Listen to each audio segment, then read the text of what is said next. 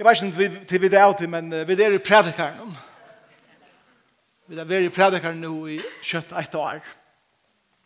Og for tikkene som kanskje er i første for her, det er vi hjertet velkommen i luftene. Vi er midt i en rød, og ofte tar man det midt i en rød, så, så henger talene på en måte sammen.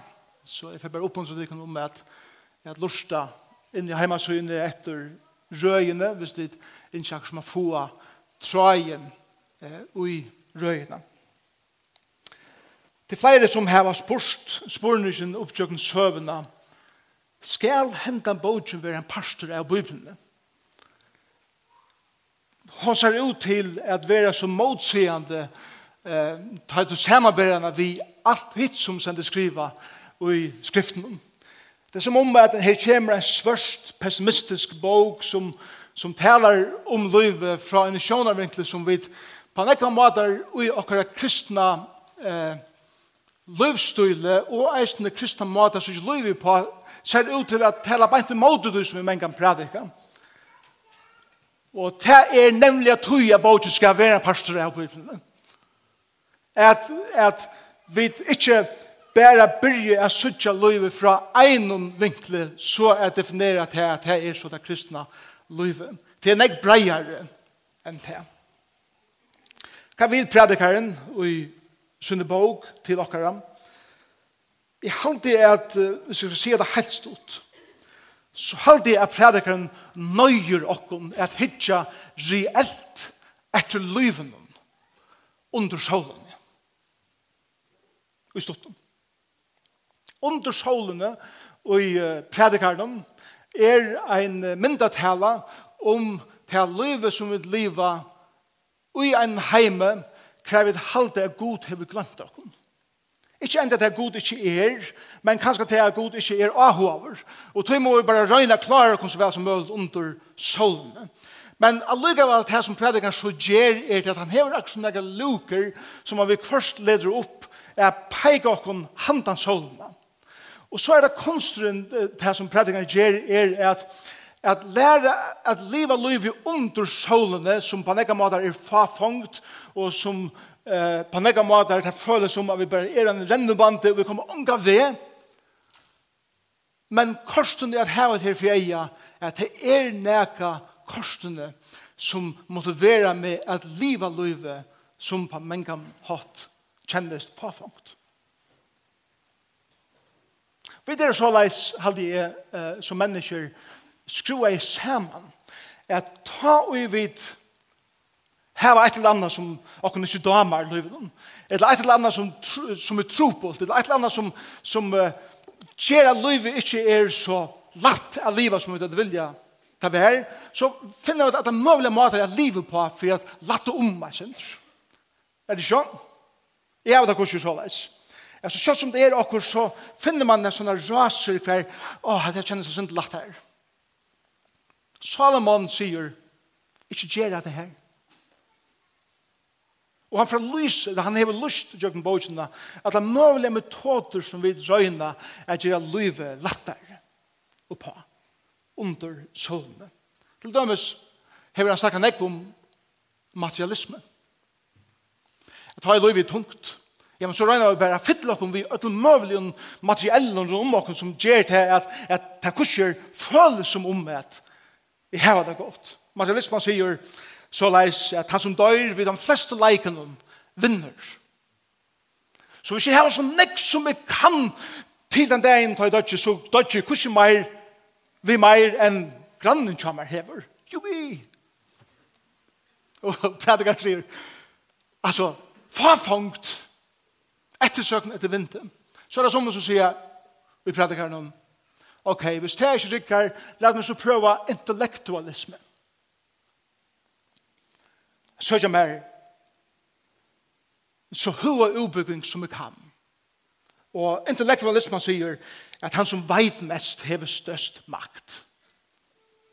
Så vitan er det her som ræver, og Salomon sier at Vi atlar tui vidane som du hever løven, først tu eisne i grøvene, Og til makte mest.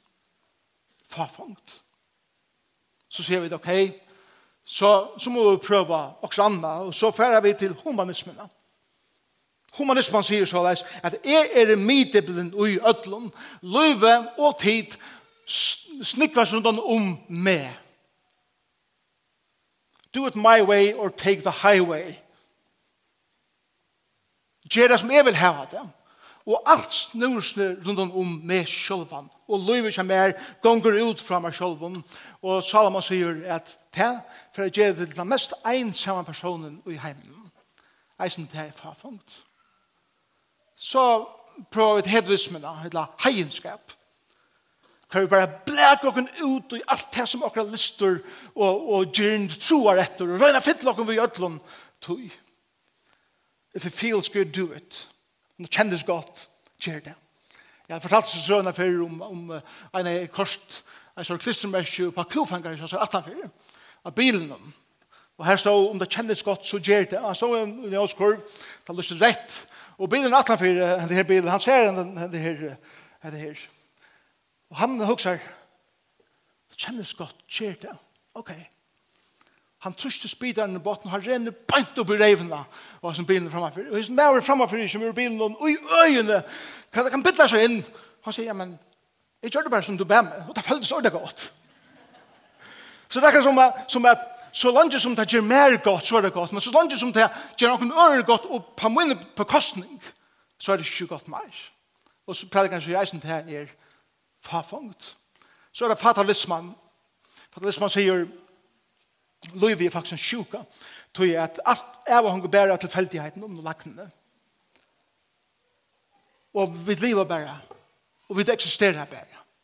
Og eisen sier, sier predikeren her at det er farfangt. Og det kan godt være at vi ikke vilja til at livet så løs. Så det som hender er det så fer vi det i hin ekstremen. Og det er antimaterialisme. Det er anti-intellektualisme. Det er puritanisme og så videre. Kan vi, kan vi regne at livet i av hin og vondjen. Jeg vil ikke heve. Jeg halte meg bort fra ødlen ånden jeg åter så løyven hele tiden. Og predikeren sier eisene, ja, men eisene det er farfungt Så at han sier atter, av atter i jøkken predikaren, et drekk og njøt, det som herren vil givet der at livet vi undersålende. Så eisen det er farfangt om vi røyner det.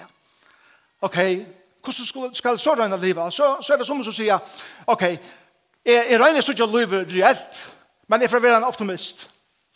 Og jeg får være så optimistisk at alt er bare så ljøsere, livet er så deilig, og livet er så prakkfullt, og alt er bare så underfullt og størst. Så var det bare vi optimismen er til at han ser ikke livet reelt. Men kan, jeg er her, jeg er her på en måte, enn er nok så optimistisk, men jeg halte at det er, er, er så mye bråten etter hånden at, at han blør han er nok så punkterer jeg kjammer. Så er det pessimisteren.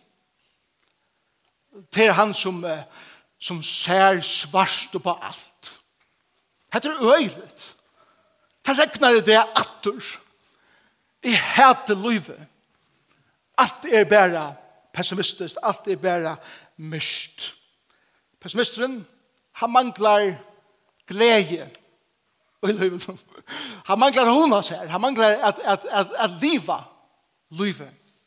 Så er det hesen personeren som, som gonger vi illkrona. Han er misavlid av ötlun, og han sier så leis, Heimeren er fotler og forresten luften, er fotler av tjauun, og forbrytaren, og liknaren og folk som vilja meg eld. Og jeg kan ikke hitte rødlen. Jeg har, jeg har misavlid at her og her. Helt sikkert to er og to.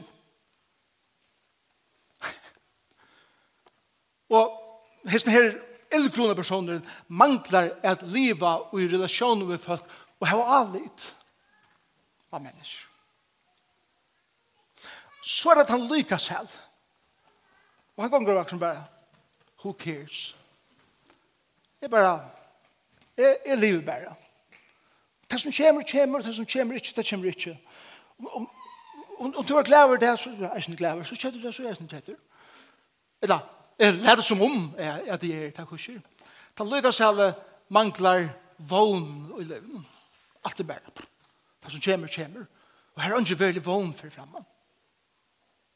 Og takk som prædikeren har vist og kunne jøkne seg bøtene, at alle disse tingene her som vi røyne at iveleva vi under solene, faktisk tar vi komma til det og hittar veldig etter det, så er det farfangt. Er det ikke det? Ok. Her, her er ikke nekv som er samt her på et. Jeg vet ikke hvor stand her så, altså. Men det er fint. Det, er fint at, at hit livet er så deilig. Kanskje er det ødel realister. Ja, men det er det som Salomon sier vi okkur. Jeg vet eier at lære at hitja realistisk at luven. Spør du bare, hva er det realisme? Er det bare det at, at, at er pura reeller i ötlun, det er rettelig oreelt å være en fullkommen realist. Det er ungen av å kunne heve den kapasiteten av å være til fullnær. Og tog mot alle tøyene lære at, at livet og i sånn her balansen. Og balanse er nemlig at det er det er være balanse. Så kjøtt som du kommer i fulla balanse, så er det ikke balanse mer, til så er det perfekter. Balansen er at beveka seg fra en er suje til en er at tøyene så vel som man kan. Og realismen til prædikeren sier at dette er verleisen av livet under solene. Vi har sånn luken som peker handa solene. Og senere så sånn det enda er vi i sånn versen som sier alt som håndtøyene før for å gjøre vi styrketøyene gjør det. Liv, livet. Spørningen er bare at han så får vi det sted og sier, ok, hvordan ser det ut at livet livet? Og så det ser det ut på den måten at vi skulle være ukviden klæven, er ikke så svart i det som jeg sier det til alle, men det er ikke det jeg gjør, det er ikke måte jeg gjør, at det er vi at velja livet, eh, livet så vel som man kan, og regnlegger for herren, og eisen er at vi lade oljene komme i høyde som vi fytling andre som gjør, og at skilje gode som vi renner. Men hvordan ser det her liv ut, da han så sier ljøsene at hun liv? Det er predikeren for å gjøre det her, er det at han sier, ok, hvis vi tar vers 20 og vi sier, ok, nå får jeg ta alt det som mine hender er før for å gjøre, og jeg får livet livet, så får han sier, ja, men la meg lyve minne det av noen ting, og er du livet til fullnær. Og det første er dette, i vers 11, Førleikar og menneskelige visdommer fer ikke å gjøre det alt som du søknast etter i liv. Eilig er for at se på nok.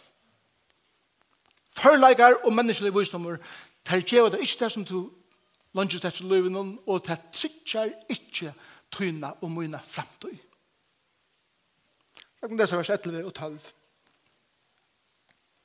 Framvis så er, og legg meg til, under solene, så løyvi under solene,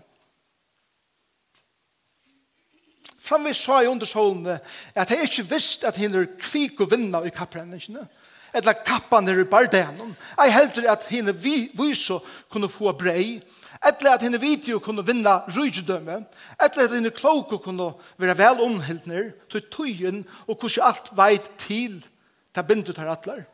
Til menneska veit lyka lyte tøysyna som fiskaner og koma faster og i vannlukkugattene. Etla fuklaner og vi kommer faster i snerrene. Som teir, så, så kommer eisende menneskebøtene først. Og i øndartøy, ta og i hån, altså menneskene, knapplega fettler og i deg. Altså snerrene og gøttene som vi fettler i. Så det som predikeren sier her er, det er kvikker, til å være stersker, til å være viser, til å være vidtjør, til å være kloker, til å føre det så lengt, men ikke at han vei. Du kan godt være kvikaste personer i førjen, endel tøyn rekord i sli. Så er alt glemt til. Du kan være sterkaste maver i førjen, du kan være mætaste bardeia maver, inntil ein vinner av det. Og er sterskere enn du. Du kan være vysaste og vysaste kvinna og i landen for som öll leida til inntil en annen kjemmer som er vysar enn du og at færa til henne. Du kan være vitigaste personer i landen og i heimen inntil en annan vinner spurna kapensina og du er sklemt. Og du kan være klokast vi haksta IQ som nekar nekar til å se inntil hin kom. Og var klokkar enn du. og to misset ut arbeid til noen andre ekna er seg bedre til det enn du det fører bare så lengt sier predikaren og så tenker jeg denne myndene av at det livet er faktisk som tar en fisker kommer i gattene, og han er fengar. Etter som da en fuklor kommer i snerrena, og han, han seter seg av det som han heldig vil være kjekven, og beinene kjører han kommer fast i snerrena, han skal flikva stedet, og han er faster. Det er færre å komme tøyer i okra løyve, hva er vidt færre at føle at gattene hever fengt fengar hun, eller snerran hever gjørst mine bein fast. Og jeg klarer ikke vi mekner ikke. Sjalt om du har er kvikaste og sterkaste og vysaste og klokaste og vidias personer som alle kjenner til, så kommer teir dianer eisene. Så teir kjenner. Det er det første han sier. Så gjerne sier han i vers 13-16, han forteller faktisk henne søve i hesten her versen. Da vi leser det fire vers 13-16. Hette har vi eisene se, vera visdom under solene, og store tidsamer, lytel bøyer vær, og fire menn i hånden.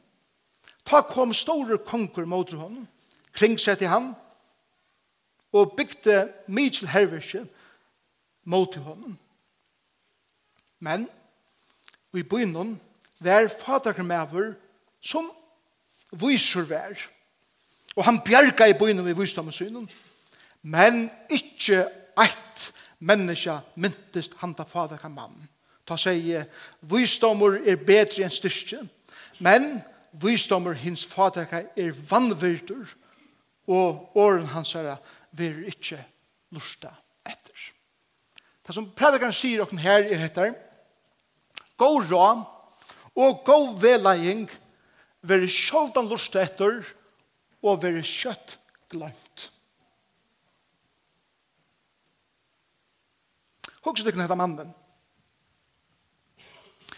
Det stender ikke hvordan han berga i bøynen. Kanskje var han øyla, selv om han var gammal og, og fadakker, så har han kanskje et utrolig sinne og visdom til å komme til politikk. At uisunnet snildun til rådgjevingar og til fria sottmålar, det kvetar så vær, vi at tinkast vi fudgjena som kom, så mekna jeg han er at få fri og i le. Kanskje var det det. Etter var det vi omkring øren snilt om om det var vi noen favon, kappen som han bjerga i bøynen og vannet herren, det vet vi ikke. Ja, men hvor vet vi det ikke?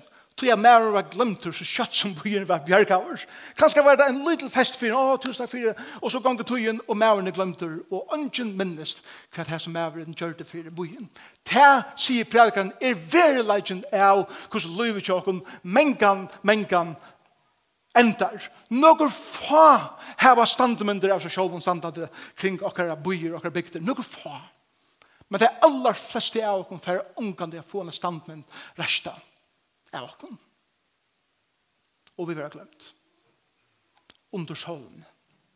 Legg mest til, under solen.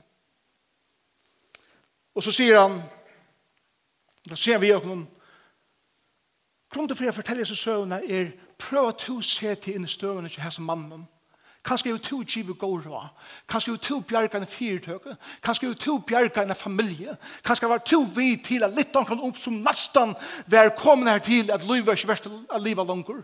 Og to er undrende sammen i hver hvordan kjøtt tann familien, eller den fyrtøkene, eller til omstående her har glemt tøyt navn. Det er verileggen av livet, sier prædikeren under solen.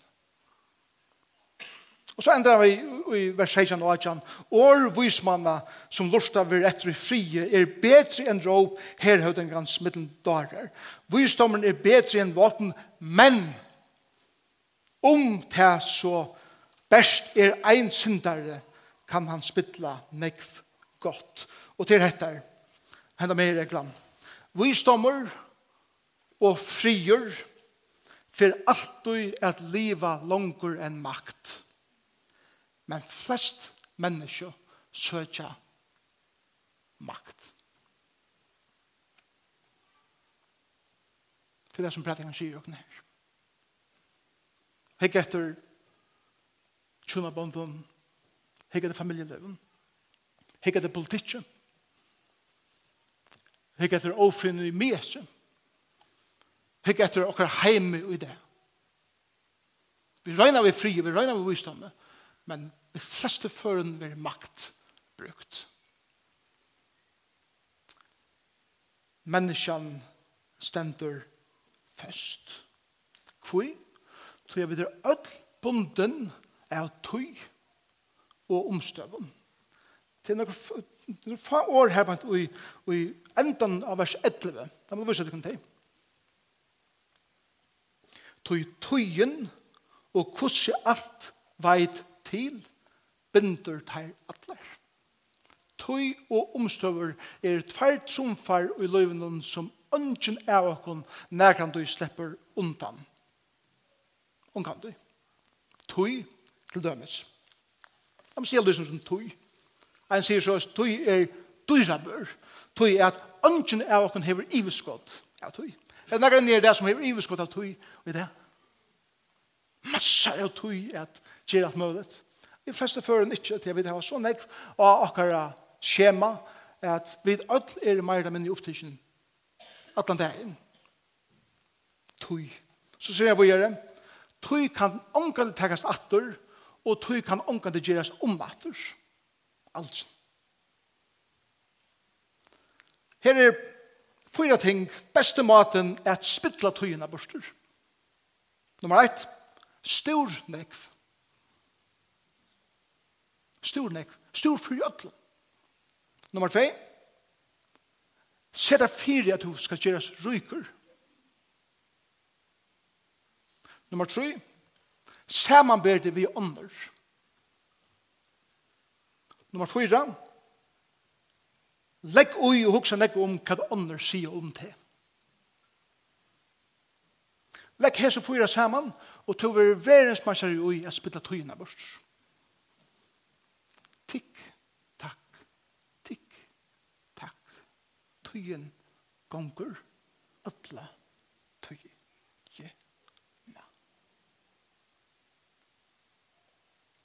Enten knappe hin hin unda tøyen kjemur. Og jeg befengar. Og så er det omstøvner tann tøyen som vi så beveger oss ui. Heimspeggingren William James sier det så vel. Han sier beste maten å bruke tøyene er at investera i nekka som vera langer enn løyve. Beste maten å bruke tøyene tøy og mine tøy er at investera i nekka som er veit livet langer enn det. Hvor er vi sammen som samkommer? Hvor tilbyr at herren? Til at han har sagt færre ut og gjør alle mennesker til, et alt folkeslø til lærersvenner møter. Vi er ahua i salen. Og hvordan vi lever akkurat liv. Og ta vi investere akkurat tog i det. Ta være til langer enn vi liv. Og det er godt. Men omstøven her, Det tar seg omstøver, så også alltid om, om en lærer i Kjamara, Dallas Seminary, som er et, uh, Dr. Howard Hendricks han, han var en sånn her personer som, som er øyne bærsøyen. En fantastisk lærer. Og han, han pleier å spørre seg, how are you doing? Og så svarer man ofte, well, under the circumstances. Og, og hvis man omsetter det før, så er det som hvordan hever det, og vi sier etter omstøven, så, men hvis vi omsetter det bøkstavlig fra ensk, så er det sagt, under omstøven, så har vi det, ok. Så spurte han altså han, ja, men hva gjør du under her? Hva gjør du under omstøven? Hvor kryper du under tunne omstøven? Du eier litt av deg opp, og ikke leder tunne omstøver krøsta til nyer. Og det andre svært som han sier, vi vil kjenne tog.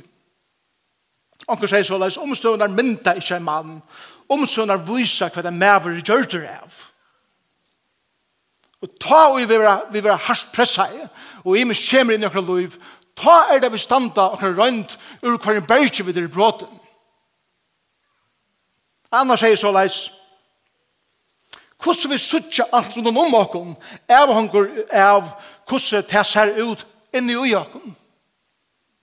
Så som vi har det inni ui, gjør ofta det at jeg suttje det som er utanfyr meg, antil vognlest, eller fullt av potensialet.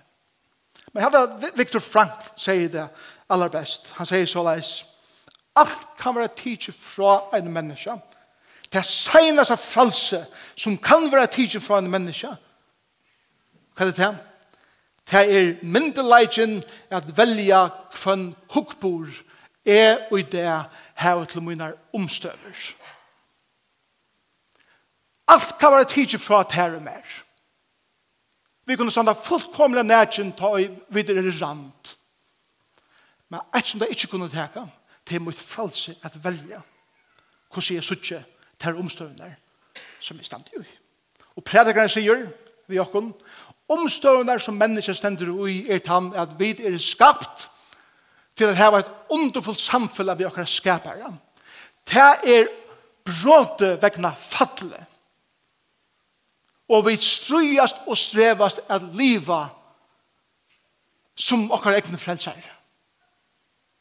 Og prædikaren ut tog realismen peikar okken nå at handa solna er ein som korsen kan komme inn og genga vitter og mer og i tam omstøvnum som er, er livet ui. Kanskje er det visaste personer som er stakkar landet men herren sier vi, vi okken öll til som manglar visdom bi og jeg skal gjøre det Kanskje er det som personer som føler at jeg, jeg rønte jeg gjerne noe godt i familien eller fyrtøkende, men mitt navn er glemt, og jeg er pura glemt det. Og herren sier vi til, selv om en mamma skulle glemt sitt brøst av baden, så glemmer jeg til ikke. Så sier det, hatt det som predikeren vil ha åkne, så ikke hantan solene, at hatt det kan eisen eksistere i løven under solene. og så er det kanskje det her at du føler at du regner av hver personer som fer fri i lær, men alt det som søker makt, iver som fatt han fri som du regner å komme av i. Og Jesus sier, selv er det hei som får fri i lær. Tøy, at det er alt kommer til alt, så fer frieren at vinna av maktene. Tandæveren fer at Så, la meg si noen ting som jeg ender. Hvordan lever vi så? Vi lever under solene, og prædikar vil hava okkurna suttja til livet reelt, og suttja til i egene.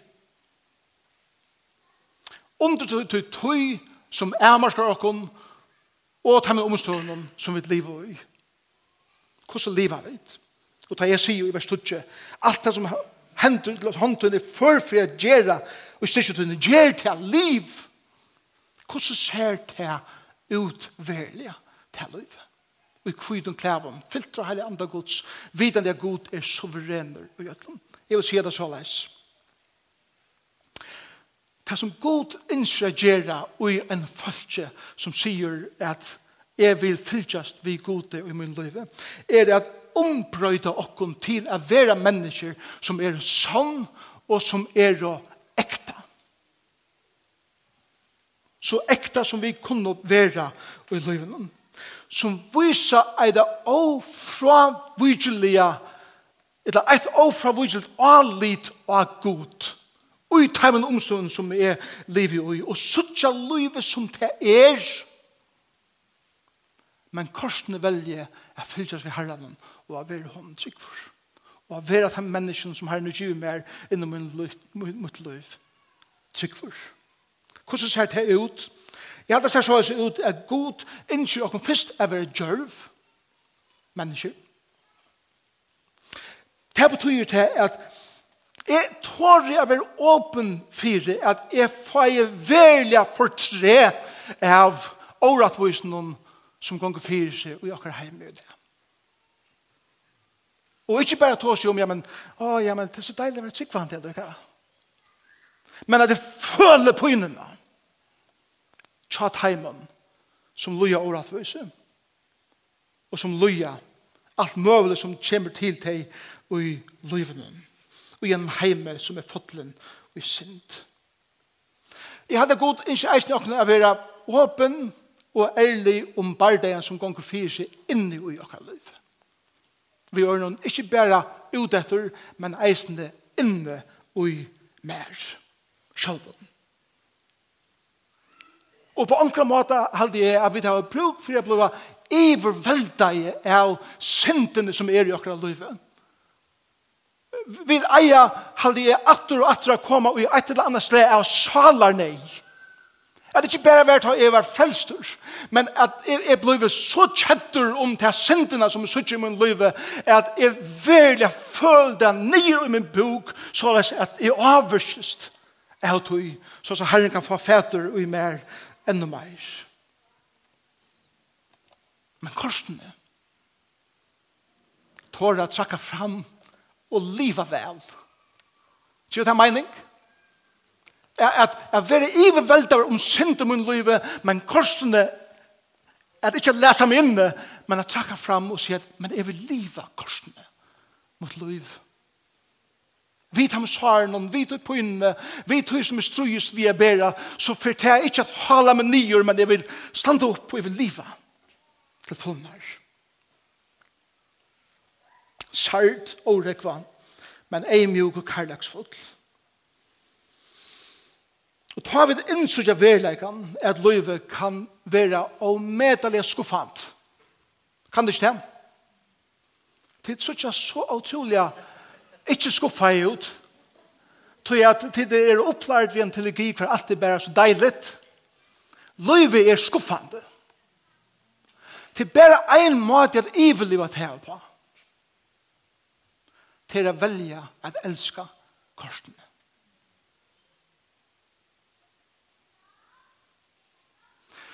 Trobleisen vi maten som vi ofta lever på som tryggvande er til at vi halde at jeg eier ikke være skuffalv. Jeg eier ikke være sartre, jeg eier ikke bæra skam, jeg eier ikke at det stinsen her, og det er fantastisk at det er latter vi først.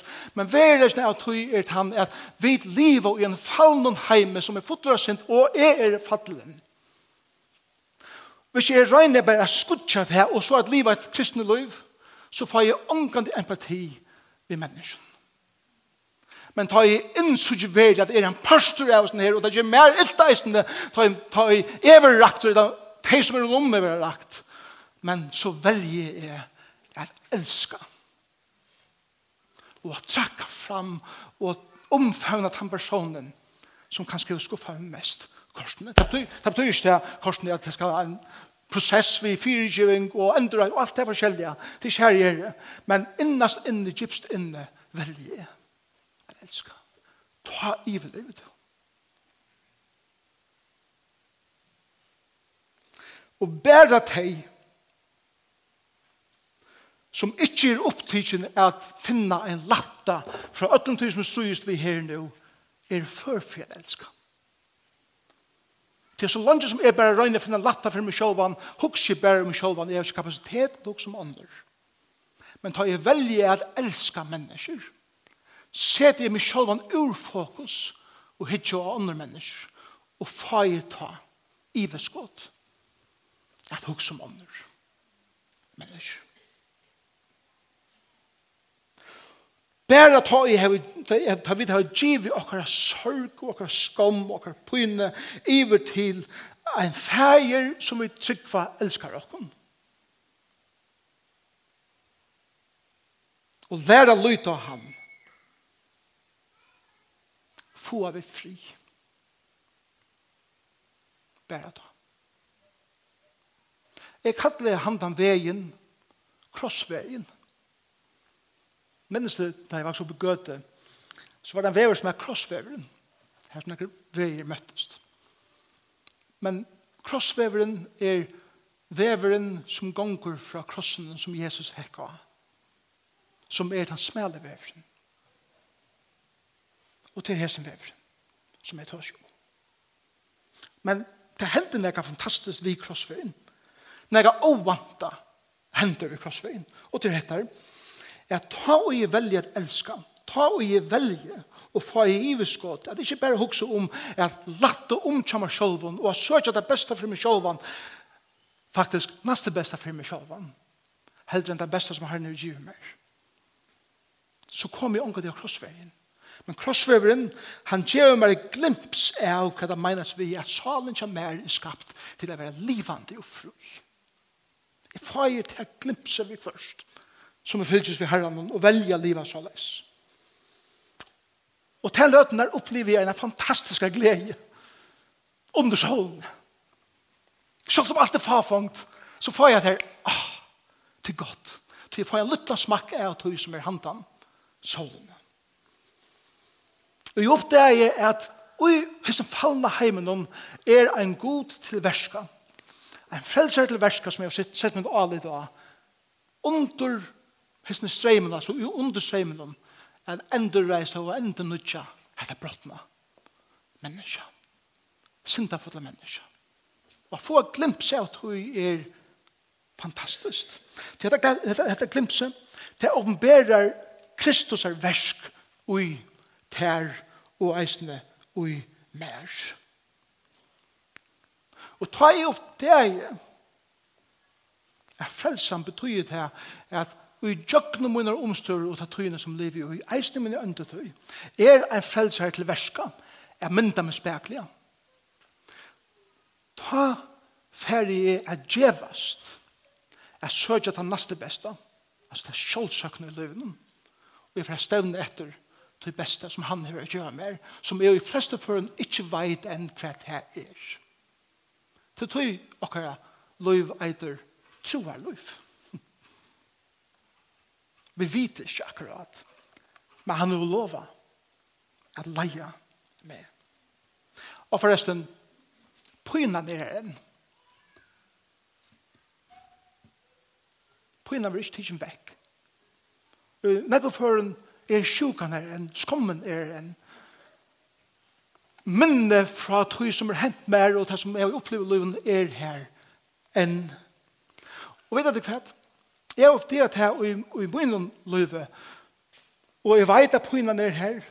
tar jeg herrens åpenbæra meg se fyrir meg som min, min frelsere så åpenbærer han eisende enn og gypre synd i min liv som jeg ikke har sett enn. Og vi vet ikke at det er enda mer eilt. Hva er det andre minne teologi? Som ta og i ta velja pyner om mine synder min løyve, grad til meir. Om man velger å elske meir, så er det meir fri. Og ta så ikke for første fyr. At jeg har bruk for en frelsere kvendt det, og ikke bare en billett til himmels men i ödlen ökjen og in løyve, tog jeg det er så djupt fattelig og sendt, og min frelser i han enderskapen meg, og endur nødja meg kvendt det. Løyve av krossvenen er transformerand, spekelig. Men det som predikeren sier er at transformasjonen ganger fyrir seg under solen. Og i munnen rundt om materialisme og atlerismen som, som jeg har tås om i det kommer til at hadde nyttar han ikke. Tog søker jeg herren.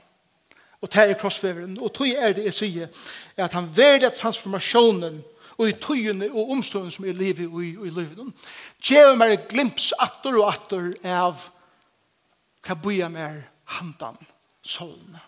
Og en dag fer Herren er komma atter og sier hertil og ikke langer. Men hatt av løyven, løyve av krossvennen, Falsest Lüver ta jeg sier liv, så betyr det akkurat det motsatte av det som vi ofte har hoa halta, så skal bare kasta meg ut i alt. Nei, det er krossveveren. Bæra god kan brøyta den personen som veder tan veien. Bæra heilig anden kan djeva tøy personen møveleikan at liva tan veien. Så som jeg endte, så synes jeg vi sanger, og nå bjør vi til forbønn, og da gjør vi det eisen i det. Og vi sier om nægar er her det som strøys vi likamlig sjukken, eller salalig sjukken, eller om det er andalig spurningar som du hever, er spyrje i løvnen, så er krossveveren tann. At du får ikke til forbønn for vi tog for eia, at Herren skal grua det. Fyrst. Herre kan grøde, halleluja. Helt ikke til at du skal slappe av og være latter ut hun salalige trobeleikon. Etla vi tunne spurnekon. Men bønnen ikke at her er det som er er i ui. Jeg var laster fra at hun kan godt være bare ta neste beste. Ta god vil gjøre det sutt sitt beste. Og hva er det til? til det at uten om som lyga mykje for det er, så er en djup troende her at elska god fram om alt i løgnen. Eisne fram om tunn latta, eller tunn grøying, eller hva det så er. Jeg ser det god hakre enn det. Ta fer en transformasjon fram som er negg djupere enn alt hit. Og alt hit blir bare bonus som Herren gjør. Kære brøver og søstre, let dere være folk som ikke er nøgt vidt han master beste i livet nå. Men let dere søke at det som god veit er best for det og for meg. Slå be sammen. Herre Jesus, takk for at predikaren er så omedelig relevant. Han vil ha oss at søke livet realistisk i egnet Men så åpnar han eisen så lukunar er suttje at undersholdene er to eisen til verska og leier okkon og frelser okkon. Fyrir sjø okkon her, jeg vil leita så nekve er sånn der at uh, få en stuttan latta. Takk fyrir at du sier at så er ikke fyrst rujtje gods og rattfyrst i hansara så skal alt detta grunnleggjande i løyven være givet okkon omframt. Herre, vi tål at det er sødla. Men vi er herre om at du vil gjøre oss til djørv folk som tåra at liva det beste. Og ikke bare at stekke opp ut det neste beste. Amen.